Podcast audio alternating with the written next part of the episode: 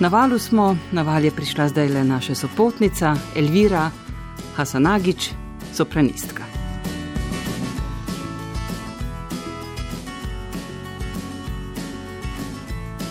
v predprostoru našega studia. Elvira Hasanagič, lepo pozdravljeni in dobrodošli. Dober dan, hvala za povabilo.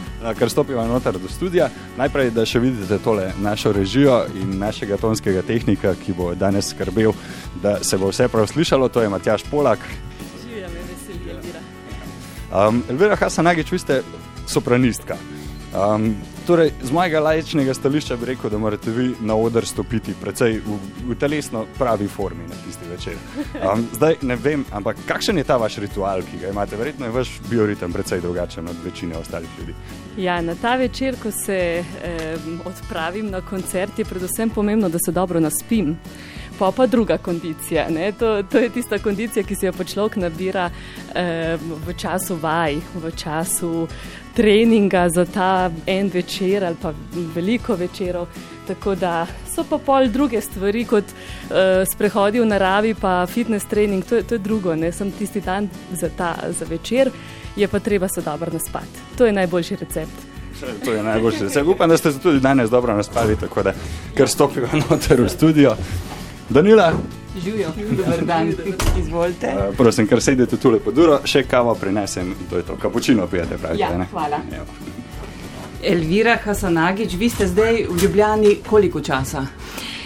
Eh, me sprašujete, koliko časa sem že v letih v Ljubljani? Ne, zdaj, zdaj v dnevih. eh, ravno sem. Zdaj, to poletje sem bila malo dlje, ker imamo eno posebno situacijo, ker smo eno majhno hiško kupili in jo prenavljamo, tako da smo bolj, bolj prisotni, pa tudi vesela sem, da sem sploh lahko v Sloveniji malo dlje časa, kot ponavadi samo za tisti koncert in potem naslednji dan že, že naprej. E, to pa ni, kako bi rekla, za me ni to normalno. Ne? Res sem dejansko v Sloveniji bolj kakšen teden, uh -huh. e, kakšen par dni, v glavnem zdaj sem vesela, da sem bila recimo ene 3-4 tedne tle. Včeraj ste imeli koncert, jutri ga imate spet. Tako se je. pravi, kočke ste tokrat razpakirali. A se kdaj zgodi, da jih ne razpakirate, ker tako hitro greste? Stalno, nažalost, stalno. Res? Ja, to se mi stalno dogaja. Tudi zdaj so en, že eni kočki pripravljeni za eno pot, ker v petek že grem naprej. E, drugi kočki potem še, še vedno teli problemi z garderobo, pa rabimo zdaj malo bolj toplo, malo bolj eh, lahko oblačila. Kam pa, kam pa spravite vso to toaleto? Ja, jaz sem zdaj začela. Zdaj, to je posebno. Eh, ne? Absolutno. Ja. No, toalete imajo svojo, uh, svoj, svoje kavčke zase, Aha, oziroma ja, take seveda. torbe. Ne? Ampak to je res mal problematično in jaz sem na zadnje čase začela kar potovati z avtom. Avto imam kar velik, ker res rabim po 3-4 kavčke. Živite v Münchnu? to je 400 dobrih kilometrov. Ja. Koliko časa pa vozite? To, to je ta relacija, je dosti hitra, to je v štirih urah, sem v Ljubljani. Ampak, um, ja, če bi Avstrija dovolila mal hitrejše tempe kot tistih dovoljenih 130 ali pa 110, bi bila tudi prej. Ampak... Vsaj 140, ne? Da, vsaj 140. A ste že plačali kakšno kazen? Ja. Kje v Avstriji ali pri nas? Um, v Avstriji, pri nas dejansko še ne. Tudi pik nimam, se bom pohvalila. Uh, v Nemčiji? Tudi jih nima. Sicer ste uh, v Dresdnu uh, bili ali ste še stalno? Sem bila Aha. vse do poletja v stalnem angažmaju, zdaj sem se pa um, eh, odločila, da bom šla na svobodnjaško pot in sem od poletja zdaj naprej svobodna in eh, letim od enega teatra do drugega. In je iz Minhna do Dresdna tudi. Nekako toliko kot do Ljubljane. Približno, mogoče še en kilometr več, ampak tistega pa se da prej priti ker je dovoljena višja omejitev. Elvira Hasanagič, um, ste zadovoljni s svojim imenom? Seveda, zelo. Zakaj pa ne? Ker ima en tak pravi karakter za operno pevko, se mi zdi. No, Anada. In tak pravi karakter imam tudi jaz. si predstavljate, da niste Elvira, da ste kakšna špela, ne? Takoj... So, ja, mogoče, ja, Elvira dejansko se po, ponavlja v operni literaturi kar doskrat. Jaz bi lahko zdaj že kar enih pet Elvir na, naštela v Mozartu, Verdiju, uh mhm. -huh. Beliniju, Verdi, mislim, da celo dvakrat. Tako da Elvir je kar dosti. Ja. A ste katero Elviro že peli? Dejansko ne. ne? Me pa čaka sigurno, kakšna Dona Elvira v, v Don Giovanniu, eh, bi si želela tudi Belinjevo Elviro odpet. Ma, bomo videli, upam, da pride kakšna. A menite, Elvira Hasanagič, da je, uh, ker pač klasična glasba ni tako zelo poslušana kot drugi žanri, ne? da je vendarle kaj prihodnosti, da je kaj več upanja za klasično glasbo, glede na to, da so časi zelo, zelo hitri. Ja, to me velikrat vprašajo in o tem se je res treba, eh, bi bilo treba malo razmišljati. Jaz mislim, da trend. Um, ta trend, da vedno govorimo, da, da je klasična glasba že spada v muzej, to se vedno nekako ponavlja, ampak publika pa je vedno. Ne? Tako da jaz mislim, da tako hitro izumrlo to ne bo, pa tudi pozabilo se ne bo. Vsa kljub hitrosti, mislim, da so ljudje če dalje bolj hvaležni, če se lahko usedejo nekam za dve ure in dejansko se posvetijo eni stvari in da niso stalno. Uh, zbegani oziroma da jih ne moti vmes eh, kakšna druga stvar. Jaz mislim, da to je če, če dalje bolj postaja vrednota. Ja. Vzeti si časa, ne? Ja, si in prisluhniti taki glasbi. Tako. Elvira Hasanagič, zdaj le ste mi rekli, da sem jaz po glasu. Bi rekla meco. Meco. Uh mhm, -huh, meco Ampak uh, sopranisti ste bolj iskani, ne? Sopranistke. Ne bi tako rekla. Enostavno mislim, da je mogoče malo več literature napisane za sopran in v vsaki operi se nekako pojavlja vsaj en sopran. V kakšni operi pa meca recimo sploh ni. Ampak uh mhm. -huh. so meco soprani ravno tako iskani. Tako da, če se želite izobraževati, boste mogoče. mogoče je že prepozno, čeprav če vam sledimo, ni tako zelo pozno, nikoli ne. nikoli ni prepozno. Ker ste, eh, glede na to, da ste šele v četrtem letniku srednje šole, ja. Ja, ja. Eh, pomislili, da, da je to mogoče vaša prihodnost. Eh, v bistvu takrat še niti nisem vedela. Jaz sem takrat eh, se šele začela ukvarjati s solopetjem. Takrat so me uh mhm. -huh. sploh slišali prvič. Ne? Prej sem bila v dekliških zborih in tam človek ne izstopa rad, ker Ste ta že... svoj glas zatajevali? Ja, sem, zato Aha. ker sem imela že eh, naravno eh, nek vibrato v, v glasu. Če bi jaz začela tam z vibratom pet, to bi zelo izstopala. V najstniških letih si pa ne želi človek izstopati. in tako, da sem pa se opogumila. Eh, malo kasneje in, in me je tudi eh, profesorica solopetja, ki je ravno v Idri, sem jaz mhm. zrasla in tam se je ravno odprl ta solopevski oddelek, me je poslušala, me je povabila k sebi na uro in eh, takoj slišala, da je v tem glasu dosti več kot samo v navednicah, samo za zbor. Eh, in ja, tako se je potem zelo hitro razvilo. Jaz sem pa potem, ko sem šla na srednjo glasbeno, profesor Doroteji Cesnik Spasič, šele takrat eh, sem jaz eh, pod njenim okriljem začutila, da bi lahko dejansko to tudi študirala. A, smem, in, a vas smem pohvaliti? Ja, hvala. Ne, šli ste komunikologijo študirati, oziroma ja, ne, ja. in šele potem ste se uh, odločili za študij v Nemčiji ja. in ste kljub vsemu komunikologijo končali. Ja, jaz ja. gotovo ne bi. Ma bi, bi. Mislim, ne, ker sem bila tako. Ja, gledajte, jaz enostavno, ko sem se upisala na komunikologijo, to je bil res čas, ko še nisem vedela, da imam jaz lahko, ja, da lahko živim od tega. Ne tudi ko v času, ko sem bila na konzervatoriju in paralelno študirala komunikologijo, eh, to se tudi še ni vedlo. In pa sem bila pa že tako daleč v, v tem študiju, manjkal mi je nekaj par izpitov, pa diplomama, pa sem še tisto naredila, mislim, res ni bilo. Pa veste, kaj še ena dobra stvar je bila. Kaj? Na komunikologiji so mi zelo, zelo šli na roko. Res imela sem status umetnice in mi ni bilo treba hoditi na veliko vaj, na, vel, na predavanj mi sploh ni treba bilo hoditi, samo izpite sem delala. Ja, izpite, in... diploma se to je vendar ja, nekaj dela. Vi ste je. to nemško disciplino, ne? Eh, že takrat imeli, zdaj ste jo najbrž samo oplemenitili. Ali kako? Eh, ta ja. pregovorna Marija Kalas, o kateri radi rečete, ne? Mm -hmm. eno arijo z Verdijeve mm -hmm. opere ste poslušali. A ste to arijo peli z Ramonom Vargasom? Ne, ne, ne, nisem. Sem pela pa iz iste opere, sva pela pa na pitnico iz Travijate. Ne? To je bilo pa potem čisto na koncu kot en bis dodatek, sva zapela pa en, ja, en duet skupaj. Zakaj je Marija Kalas bila tako zelo izjemna. E, zaradi... Da govorijo, da se zgodovina opere deli pred Marijo Kalas in po njej, ne celo tako. razlagali. Ja, sigurno je ona bila en mejnik v zgodovini in je prav to. Bila je posebna sigurno zaradi enega karakterja, zaradi ene perfekcionist. No, moment, perfekcionistka je bila, se pravi, da je eh, res se potrudila v, v vsaki vlogi uložiti eh, vse, kar, kar človek mora kot, eh, kot solist. Eh, bila je posebna zato, ker eh, je znala dramsko predstaviti te vloge tako, kot jih je za tisti čas malo kdo mhm. znal. Danes se to zahteva od nas vseh. Aha. Kaj pa njen ta izredni razpon tehnike? Je zdaj to že bolj vsakdanje? Ja, ja, Aha. sigurno. Takrat je bilo to nekaj zelo posebnega. Mislim, vse so bile to druge sopraniske, da se razumemo, ampak pač eh, ne pride vsaka tako v spredje kot ona. Eh, bila je sigurno tudi njen razpon, je bil nekaj posebnega.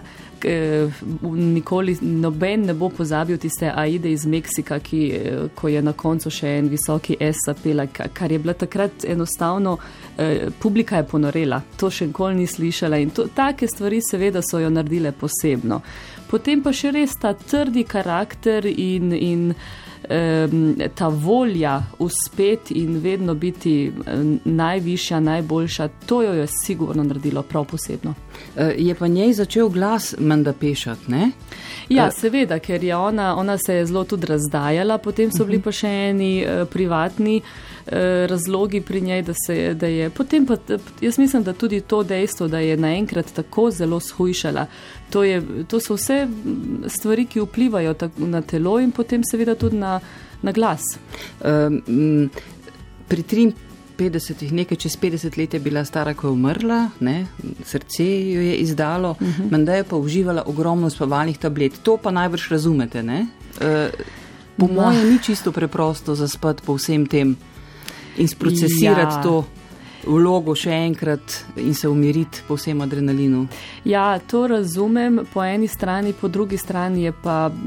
Sigurno so to bile tudi kakšne druge težave, sam poklic ne, ne bi smel biti. No. Sicer ona je tudi bila na eni tako na tako visokem nivoju, oziroma na, tako je bila znana, da sigurno eh, vsi ti pritiski javnosti, eh, novinarjev, fotografov, to sigurno ni enostavno. Ampak to, da človek ne more spati in potem postane odvisen od uspavalnih tablet, pa mislim, da ne more biti samo poklic. Vam se ne more to zgoditi, se vam zdi, ste drugačen karakter. Kot prvo sem jaz tega južnjaškega tipa, da zelo rada spim in um, kar grem spat, ko mi je za spat, ne mislim, če, če mi to dopušča. iz vloge pač e, v doglednem se moram, času. Se mm. moram. Včeraj recimo po koncertu dve uri, sigurno me je še držal adrenalin, uh, pa pa enkrat, ko da adrenalin popusti, pa zaspim zelo, zelo trdno. Uh, ona je bila, njen dom je bil pravzaprav ta skala, ne? Milanska. Vi v Milanski skali še niste? Ne, še. upam, da kmalo bom. Eh, ste pa najbrž eh, v enakovredni, ne? ta Buenos Aires v Kolon, teater ja, je enakovreden. Čisto skali. enakovreden. Čisto. To je ista, isti nivo kot skala, kot Dunajska štacoper, kot eh, metropolitanska opera. To je, to je ta nivo. Metropoti, metropolitanska opera, tale James Levin, Levine, ja. uh, dirigent, a vas je kaj presenetilo, glede na to, ja. da ste ga poznali, glede na to, da je München dirigiral, naj povem, da so ga uh, suspendirali zaradi spolnih um, zlorab. O tem se je že imeniten dirigent. Imeniten dirigent, ja, seveda. To je legenda, cela, kako bi rekla cela metropolitanska opera gre z roko v roko z njim, uh -huh. že, že leta in leta. Ne? Tako da o tem se je dolgo časa govorilo, in zdaj so se nažalost te govorice potrdile. Vsakič je šok, ko se sliši kaj takega, in zelo zaskrbljujoče, tako za tega dirigenta, kot za nekatere druge holivudske zvezde.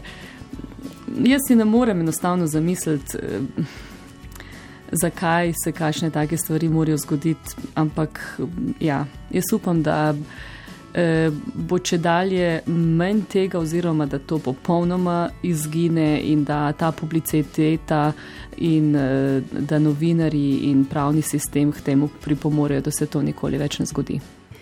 Elvira Hasanagi, sopranistka, ki živi v Nemčiji, nastopa na mednarodnih opernih koncertnih odrih, je sopotnica na valu 202. Eh, slušalke si nadenite lepo, prosim, eh, in prisluhnite temule.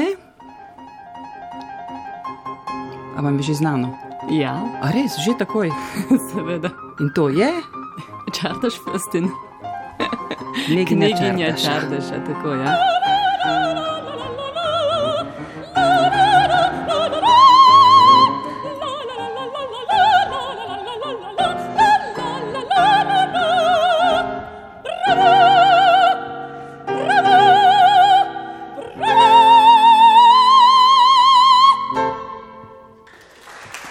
Odkud to vzamete? Iz globočin mojega glasa. Zdaj, recimo, če bi že lahko šlo kaj narobe, se meni kot lajku zdi, ne, da tu na koncu bi lahko šlo. Ali ne? Je to na prvo žogo razmišljanje? Ta najvišji, kaj je bil ta? C, visoki C. Aha. Ja, seveda, vedno se lahko zalomi kjerkoli, ampak eh, toliko dolgo treniramo, da se ne zalomi. No, ampak daj, kje so največje nevarnosti? A ne, to pa se, to, to se pa lahko kjerkoli zgodi. Mislim, lahko se. Um, Iz velikih tehničnih razlogov se lahko ali ne pride, recimo ta visoki ton, ali pa recimo, če pripravimo na robe, to lahko bi naštevala. Ogromno je razlogov, ampak ko se človek loti tako arijo, pet na te razloge niti pomisliti ne sme. Mora biti tako prepričan vase in v svojo tehniko in v svoje, svoje zmogljivosti, da se ne bo nič zgodilo. Imate sposobnost, če se že zgodi, kaj malega izviti se tako neopazno znate? Ne, in upam, da se nikoli ne bo zgodilo. Res? Da se ne bo morala. Ja, mislim, hvala Bogu, da zdaj se še ni tako zgodilo, da bi se, kako bi rekel, to je bolj tekst, recimo. Tekst sem, kdaj kakšno besedo pozabim, potem pa. Eh, uskoči kakšna druga beseda. Recimo. Pa tudi tam se mi je že zgodilo. Ma, tako je, vemo se. Ne morate... smemo o tem govoriti, ne? Sicer ja, prikličeva. Ja, prikličeva hudiča, tako je.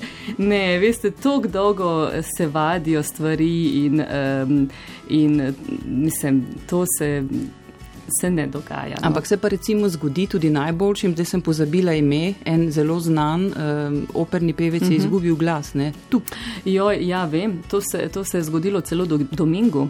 In enostavno je prišel na oder in rekel: Se upravičujem, ne morem nadaljevati. Mislim, to, to pa je katastrofa više kategorije, to je res hudo, če se kaj takega. Ampak potem je, eh, potem je to bilo že od začetka nekaj narobe. Jaz mislim, da je bil bolan tisti dan in če smo bolani, res ne smemo nastopati, kljub temu, da si želimo in da, da je toliko eh, poslušalcev, ki računajo na ta večer, ampak takrat res moramo rajše od, eh, odpovedati, pa če nas to še tako boli, ker se potem ravno te mhm. stvari lahko zgodijo. A se da zavarovati svoj glas? Ja, sigurno zavarovati na to, da poskušamo čim bolj zdravo zavarovati finančno pri zavarovalnici. Seveda, se lahko, ja, ja. Oziroma tako, v Nemčiji se da, to vem, ker sem se že pozanimala, v Sloveniji pa ne vem, verjetno se da, če pa se še ne da, bi pa bilo fajn, da to uvedejo. E, zato, ker to pomeni, da ko si brez glasu vsaj nekaj uh mhm. -huh. mesecev, ne moreš delati in nimaš finančnih prilivov, ne? ker vendarle ne zaslužite tako zelo veliko, kot se govori. Ne, ne mislim, tiste, tisti prav, prav visoki zneski so rezervirani res samo za tisti. Minimalni odstotek eh, svetovnih zvezd, tisti zaslužijo res veliko, ampak um, ve, velika večina pa zasluži ali v redu, ali pa so pa tudi pevci, ki doma sedijo, kljub temu, da so sposobni. A se vi že ste se naučili pogovarjati o plačilu, glede na to, da ste na trgu, ne? dve leti ste imeli stalni angažma v Dresdnu, uh mhm. -huh. pa tudi kljub temu ste nastopali, poleg uh mhm, -huh, tega uh mhm. -huh. imate kakšnega menedžerja. Ja, vam, ja. Ja. Nikoli se niste sami s tem ukvarjali. Tudi, tudi sama, ampak uh, rajše prepuščam te pogovore agentu, zato ker Um, oni to bolj znajo, pa tudi nočem se z organizatorji v bistvu o tem sploh pogovarjati, mi imamo druge teme. Uh, v primerjavi s pop in rock zvezdniki, a so tudi največji zvezdniki operni tako dobro plačani kot oni? Dosežejo te? Ja, ja? absolutno.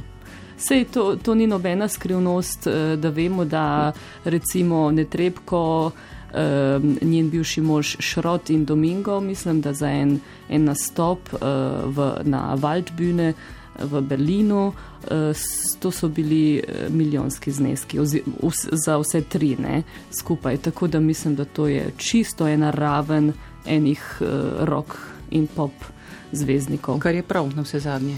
Jaz mislim, da ja. A je razlika med moškimi in ženskami, tako kot recimo v Hollywoodu med igravci? Igravci so bolje plačani kot igravke? Jaz bi rekla, da tukaj je samo odvisno, kako visoka zvezda je človek. Uh mhm. -huh. In potem na tisti stopni, da potem ni več razlika. Ampak eh, to so tako. Eh, te, te, te, te finance so tako skrita stvar, da ne morem zagotovo govoriti Jonas Kaufmann. Mm -hmm. uh, šla sem, seveda, ne, uh, googlala in našla številni, številne lestvice, kjer lahko tudi uh, mi glasujemo in lajkamo in vse mm -hmm. sorte. Ne, in je na prvem mestu tale gospod Kaufmann. Mm -hmm. Ta je trenutno wow. najboljše plačan operni pevc na svetu, Aha. tenorist. In ja, jaz mu rečem, iz Nemčije, ne? Ja, ja iz Minhna celo. A se poznata celo? Ne poznava se, ampak študiral je dejansko pri isti profesor kot jaz. A, in, to pa nekaj pomeni. in jaz mu, um, se bi mu lahko poklanjala, to je en fantastičen pevc. Uh, jaz ga zelo obožujem. Ker na tej lestvici je potem Dominko na drugem uh mhm. -huh. mestu, na tretjem je pa ne znam izgovoriti Horos, Horostovski, Rus. Uh -huh nažalost umrl, ja, ampak je Aha. v času, ko je pa živel, je bil pa eden izmed mojih najljubših glasov in tega gospoda je zelo, zelo škoda, da ga ni več med nami. A potem ta lestvica vendarle velja. velja. Elina Garanča, Garanča ja. je na četrtem mestu. Uh mhm, -huh, Meca sopranistka, tudi fantastična pevka. In tako je za njo Ana Netrebko. To kar, kar velja, ja. No, naprej ne bom, da se ne bom blamirala, ker imam grdo uh, napisano, ampak ni pa nujno najbrž, da je kakovost tista, ki je najbolje plačana ali pač. Se lahko kakšen operni pevec zmuzne? Sigurno, ja, ja. ja. Se, sej vemo vsi, da ni nujno, da so najboljši čisto na vrhu. Eh, v, v paket najboljšega spada marsikaj. Se pravi, to, da dobro pojejo, da imajo dobro tehniko, je že nekako samoumevno. Pa pa pridejo še tisti dodatki, potem to je tisto, kako se človek predstavi, um, kako je uh, tudi in, in tudi ka, kakšno podporo ima v odzadju, se pravi, cela menedžer, mašinerija. Cela mašinerija. Se si lahko predstavljate, vse v operi je dan, dan danes v bistvu dosti podobno kot v, v pop svetu ali pa rock svetu. Sej ni nič uh, dosti drugače in tako da je za temi um, zvezdniki Eh, so založbe za njimi, so, so menedžeri za njimi in potem svoje izbrance naprej. Um, Kako bi rekel, porivajo, nočem iz tega izraza, ampak to je ena vrsta pushinga. Ne? Eh, je to preveč intimno vprašanje, koliko ljudi dela v vašem timu? Oh, ogromno. Eh, imate kakšne pisma oboževalcev? Tudi, ja, seveda. Seveda. Odgovarjate sami? E, nekaj odgovarjam sama, nekaj pa prevzamejo agenti, ampak večinoma to, kar sama naredim.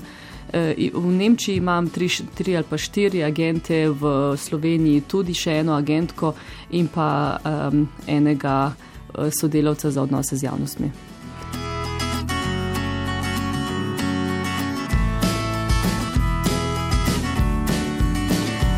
Elvira Hasanagič, sopranistka, živi v Nemčiji, nastopa na mednarodnih opernih in koncertnih odrih. Lani ste prijeli priznanje, tako rekoč nemške kritike za mlado umetnico leta. Ne? Tako je. Uh, in številne druge nagrade.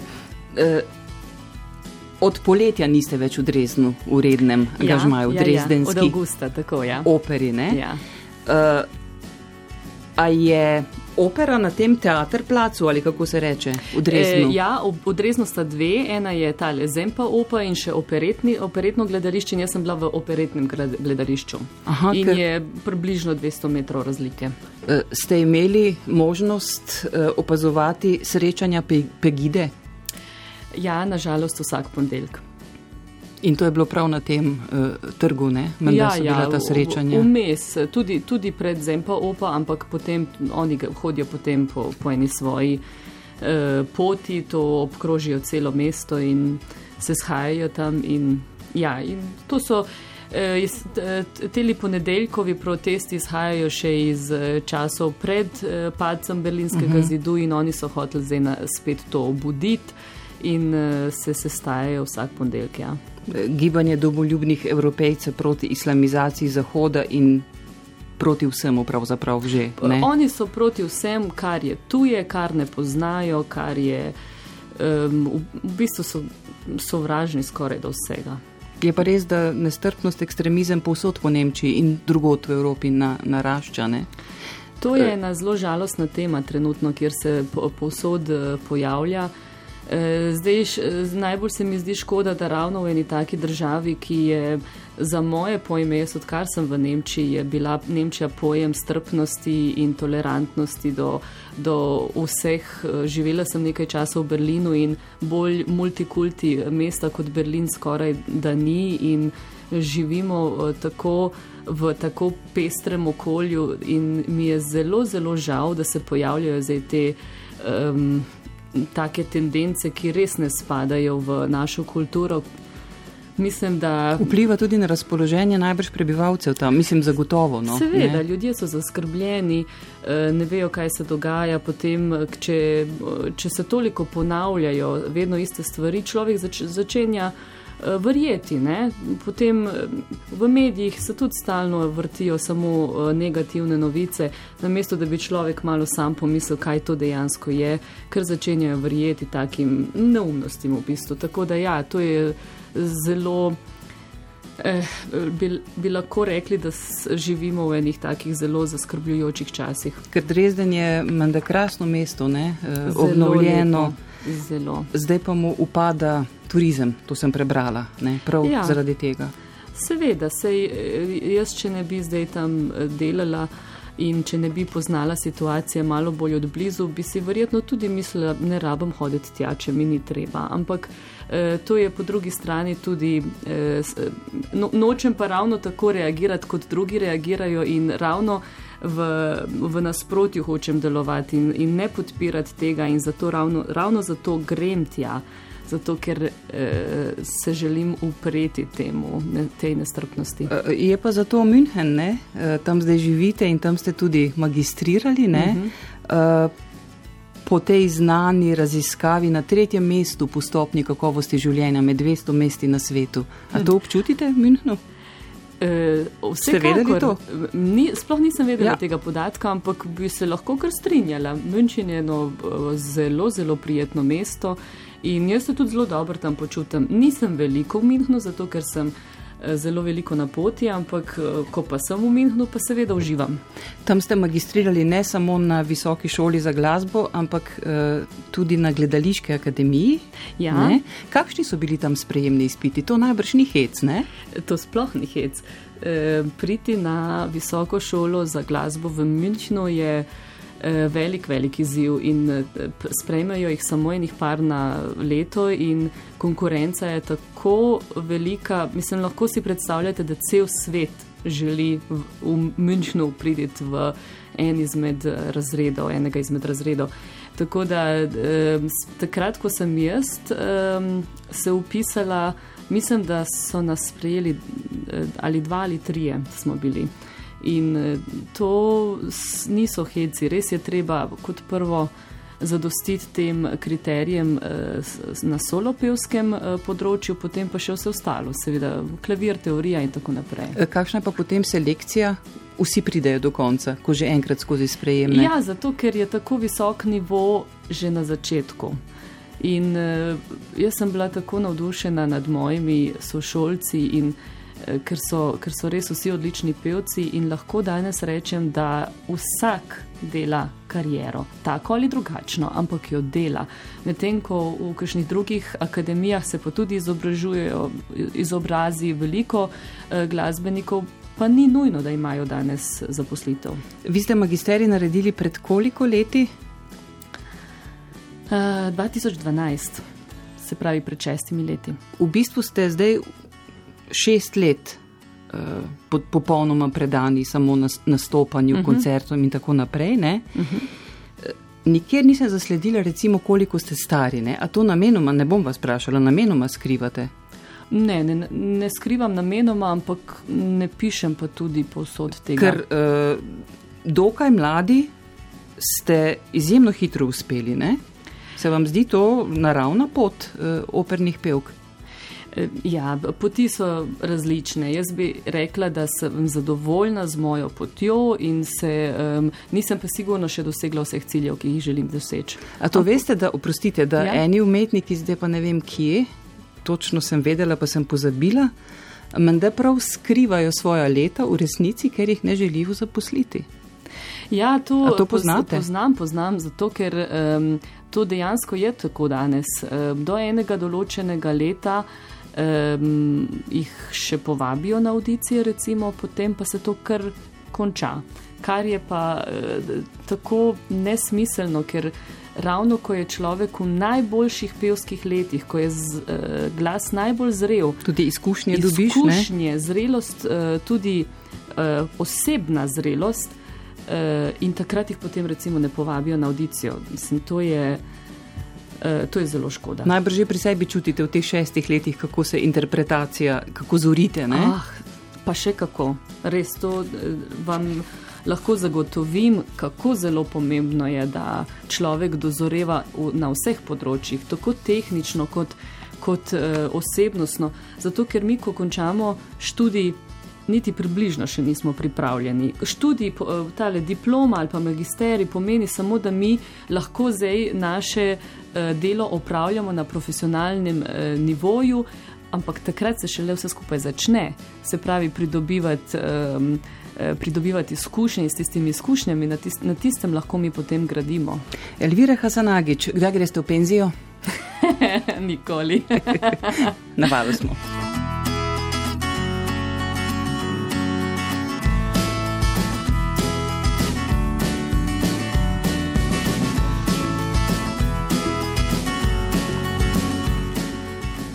Elvira Hasanagič, sopranistka, sopotnica na valu 202. Uh, eh, jaz rečem nekaj, vi pa hitro uh, dodate.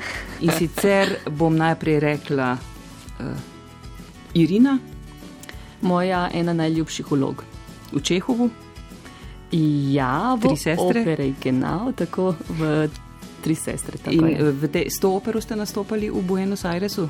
Tako je. A je bilo to najbolj, tako, najbolj veličastno gostovanje? Ja, do zdaj ja. Katero pa drugo? pa um, Štacov per Berlin in pa Deutsche Oper Berlin. Uh, Chicago? A, ja, tudi Chicago se res. Um, tam sem nastopala na festivalu Ravinia in uh, sem doživela štiri prekrasne tedne. Zdaj pa rečem uh, Estoril, ne vem, če sem prav uh mhm. -huh. naglasila. Festival do Estoril, to je Portugalska, to so bili pa moji začetki, to sem tudi bila povabljena na en festival in odpela čudovite eh, recitale. Um, tega se tudi zelo rada spominjam, zato ker so, to so bili res moji začetki. Anže Kopitar? En odličen hokejist, um, upam, da lahko kmalo rečem tudi parijatu. Eh, ja, na njegovih dobrodelnih akcijah smo se srečevali in eh, ne samo odličen hokejist, tudi eh, tak humanitarc par excellence. Uh, hokej ste že kaj poskusili igrati? ne, poskusila ne, ampak sem pa pela na himne večkrat na hokejskih uh, uh, tekmah, na zadnje v Berlinu, ko je bila prijateljska tekma Slovenija proti Nemčiji. Kaj, a himno ste peli? Mm -hmm. Obe himni, slovensko in nemško. Badminton. Moj eh, najljubši šport v prostem času, ki ga dejansko sama igram. E, to v zaprtih, v zaprtih tudi, halah, ja. dvoranah. Mm -hmm. Imamo jih veliko športnih ja, površin ogromno, in, in vsega tega. Zdaj rečem Doroteja Cestnik Spasič. Moja profesorica solopetja na konzervatoriju, ki mi je eh, dala odlično eh, podlago in mi dala krila, da sem poletela v svet. Eh, čas? Uh, je moj nasprotnik, premalo ga je, ampak. Prosti čas? Prosti čas eh, tudi zelo ga ra rada si ga vzamem, takrat, ko si ga lahko. Dopust? Mi trenutno malo manjka, ampak pride k malu. Morje? tudi mi trenutno malo manjka, pa bo tudi to prišlo. Gost? Eh, najrajši preživljam urice prostega časa v gozdu. Morje ali gost? Eh, gozd. Vidite, prav ste povedali, gostje, ne, ne gost, jaz sem narobe naglasila. Vse to obvladate, ne? Se trudim. Um, v mačarščini uh, tole knjiginjo Čardaša ste kdaj peli? Ne, v mačarščini še ne. Uh, knjiginja Čardaša je originalni jezik nemščina in ja. se jo kar v nemščini izvaja. Uh, ampak drugače je mačar avtor, ne? Kalman je mačar, ja. Uh, tam igrate to. Um, Silvo? Silvo, Silvo, kneginjo, samo kneginjo, ja, na naslovno vlogo. Ki zahteva kar ene e, spretnosti, poleg glasovnih in igralskih, tudi ene take polakrobatske. Ja, tako je. Znamen, kako bi rekla, opereta prinese sabo.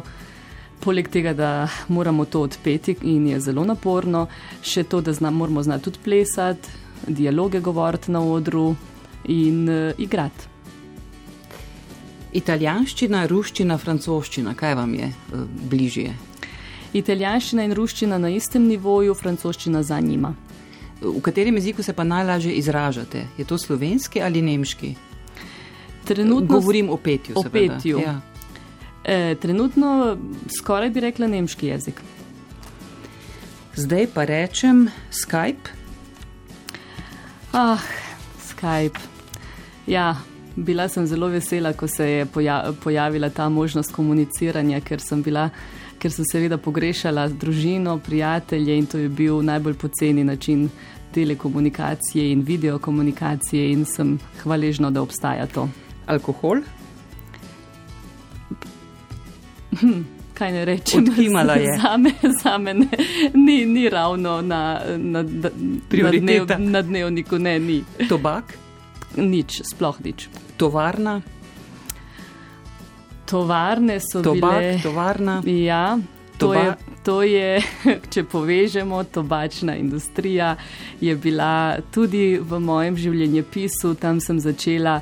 Eh, kot komunikologinja v eh, PR oddelku s eh, čudovito šefico Bredo Bre, Brezovar Goljar takrat in so danes še veliki, veliki prijateljici. Ja, tudi šest mesecev sem delala ta, v bistvu kot komunikologinja. Cuk špice. Cuk špice, ja. Če, če jih lahko enkrat na leto do, dosežem katero koli, sem vesela se pravi, da rada planinarim in grem v, v gore. Kaj, kateri je najvišji vrh, na katerega ste se uh, El Teide na Tenerife. Uh, to je bilo novo leto 2017. Koliko? 4000, uh, skoraj 4000 čak. Res? Uh mhm. -huh. Tibet. Himalaja? Nikoli se ne ve. Odvisno je samo, do kam se pride z avtom ne? in od katere točke naprej je treba hoditi, potem peš. ja, Nemčija je tudi že vsa asfaltirana, tako kot Švica. ja, ja tudi, mislite, do, ja. do vrha skoraj, ja, ja, se zelo daleč pride z avtom. Elvira Hasanagič, Val 202. Elvira Hasanagič, sopranistka, sopotnica na valu 202. Zdaj se bomo poslovili. Povejte mi, v soboto prihodnjo nastopate v Dreznu? Prihodnjo soboto, 29. Ja. En tak kratek urnik naprej.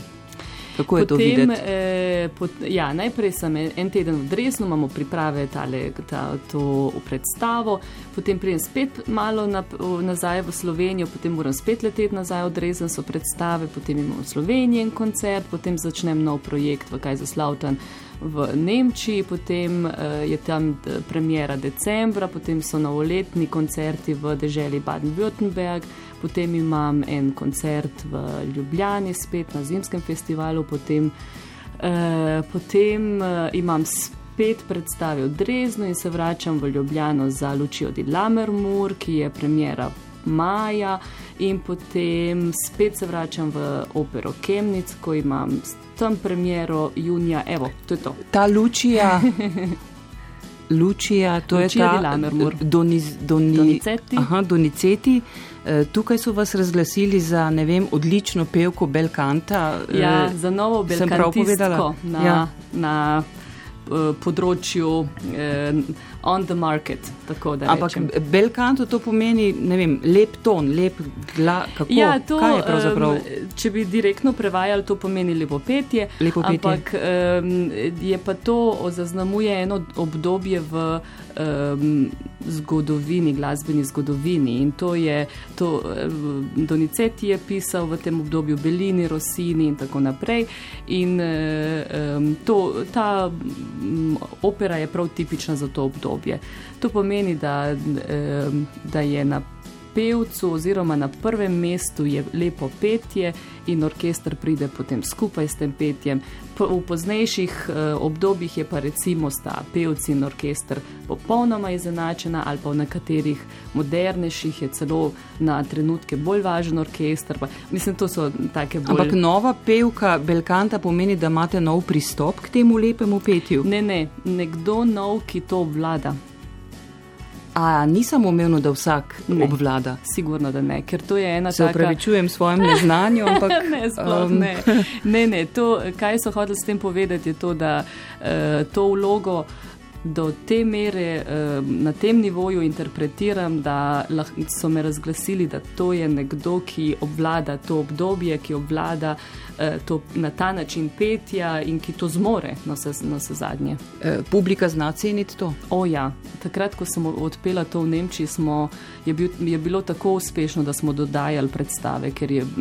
In potem, ko smo že enkrat rekli, zdaj pa res ne moramo več, ker ne paše, v, v, ne, nimamo več kam dati teh predstav, so prihajala pisma in pisma, kako jim je žal, da, da je to mimo. Najdaljši aplaus. In bi rekla prav v luči, ker niso odnehali in, in smo, ne vem, če je bilo 15 minut. Najkrajši aplaus.